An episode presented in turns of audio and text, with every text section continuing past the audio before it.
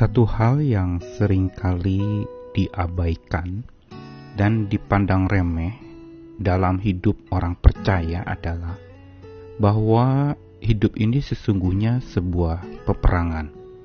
Ada pertempuran di sana, ada konflik yang terjadi di dalam batin setiap orang percaya saat ia melewati jalan pertumbuhan imannya. Apalagi ketika pergumulan-pergumulan hidup yang berat datang menghadang, pada saat itulah sebenarnya peperangan itu sedang dimulai. Karena pada saat bergumul seseorang biasanya berhadapan dengan dilema-dilema untuk pilihan-pilihan yang harus dia ambil dalam rangka menyelesaikan pergumulannya. Saat persoalan-persoalan yang juga melanda dengan begitu hebatnya, saat itu sebenarnya peperangan sedang dimulai. Pada saat itu sebenarnya iman seseorang sedang diuji.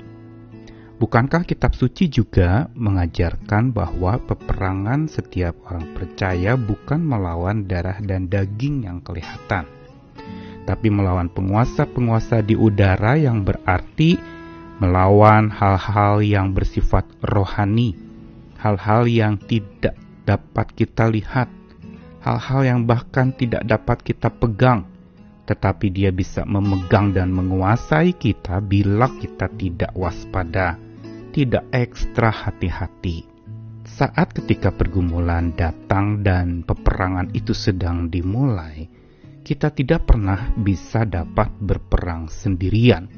Kita butuh kekuatan yang maha dahsyat agar kita mampu mengatasi pergumulan-pergumulan yang mengantarkan pada peperangan-peperangan yang terjadi di dalam hidup kita, entah di batin kita atau di jiwa kita. Pada saat itu, kita sangat membutuhkan kuasa dari Tuhan kita. Saya Nikolas Kurniawan menemani lagi di dalam Sabda Tuhan hari ini dari dua bagian firman Tuhan. Yang pertama Mazmur 68 ayat 1 sampai 4 untuk pemimpin biduan Mazmur Daud, nyanyian Allah bangkit maka terseraklah musuh-musuhnya.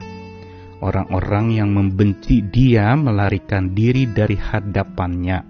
Seperti asap hilang tertiup, seperti lilin meleleh di depan api, demikianlah orang-orang fasik binasa di hadapan Allah. Tetapi orang-orang benar bersuka cita mereka beriak-riak di hadapan Allah, bergembira dan bersuka cita.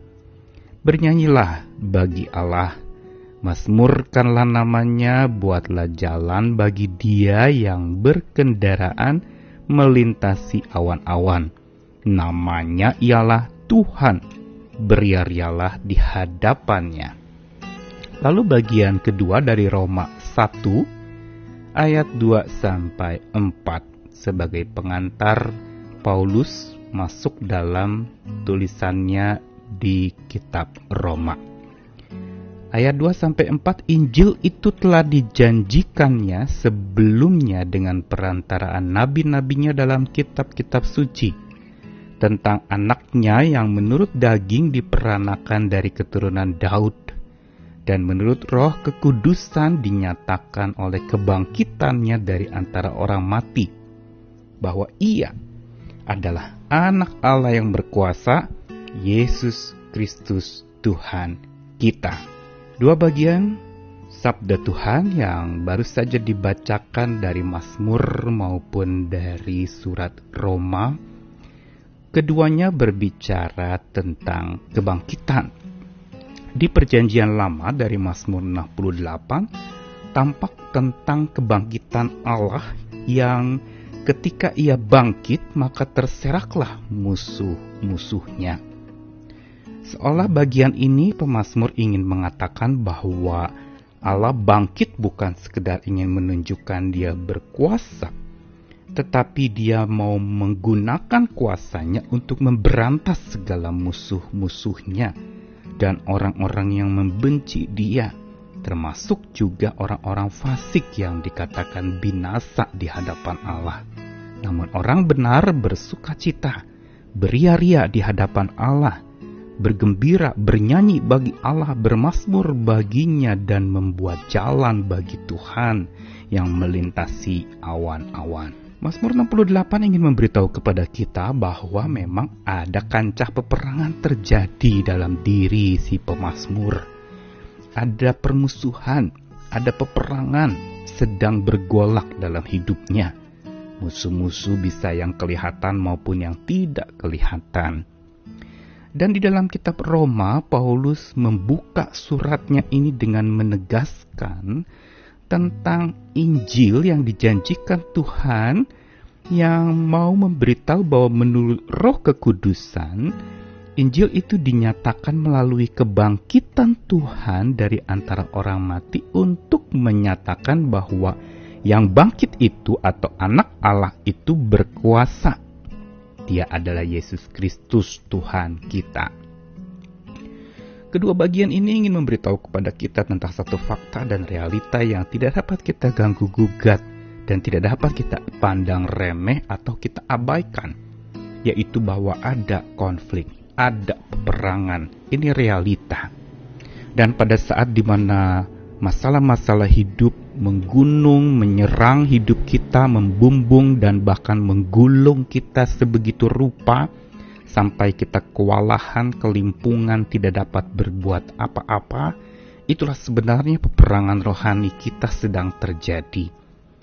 Ada masa di mana ketika kita bergumul, muncul niat-niat jahat, muncul jalan-jalan pintas yang kita pikir itu bisa menyelesaikan masalah, dan muncul rencana-rencana busuk yang mungkin saja pada saat itu kedagingan kita sedang digoda untuk jatuh pada saat datangnya masalah menggulung hidup kita, pada saat itulah sebenarnya kita perlu bergantung kepada Tuhan karena dialah panglima perang kita.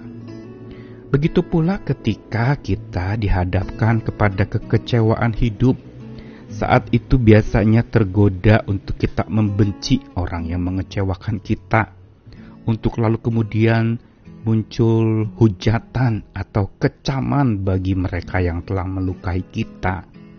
Pada saat itu, umpatan-umpatan atau ujaran-ujaran kebencian pun itu sebenarnya menjadi tanda kekalahan kita di dalam peperangan itu, karena kita justru membalas kondisi buruk kita dengan hal buruk yang menyebabkan kondisi makin terpuruk, dan itu adalah peperangan yang sebenarnya sedang terjadi, namun kita tidak sadar sedang terjadi, dan kita juga tidak sadar bahwa saat itu kita paling butuh bergantung kepada Tuhan yang kuasa kebangkitannya itu sanggup memampukan kita untuk supaya bisa memerangi kondisi yang sulit itu memerangi musuh-musuh kita entah di dalam diri maupun di luar diri kita.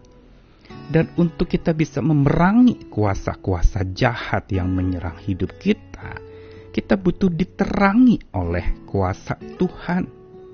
Dan karena itu kebangkitan Tuhan Yesus Kristus ini justru menjadi terang yang paling kita butuhkan saat kita sedang berperang Godaan orang saat berperang adalah dia menjadi gelap mata dan hidup dalam gelap dan mengambil jalan-jalan gelap untuk mengatasi persoalannya. Tetapi kuasa Tuhan menerangi. Justru kuasa Tuhan dengan kebangkitannya yang dahsyat itu memampukan kita untuk memerangi kuasa jahat dengan terang kuasa Tuhan terhadap hal-hal yang menyerang hidup kita hari ini kita perlu berhati-hati, perlu ekstra waspada menghadapi berbagai macam masalah yang sedang melanda hidup kita. Kebangkitan Kristus bukan hanya untuk dikenang, tetapi agar kita bisa menang oleh kuasanya. Bukan menang karena kita merasa diri kuat atau hebat, tapi menang karena kuasa Tuhan memihak kita, ada di dalam kita. Dia lebih besar dari segala masalah hidup kita. Bergantunglah sepenuhnya kepadanya dan berjuanglah bersamanya agar engkau menang oleh kuasanya. Amin.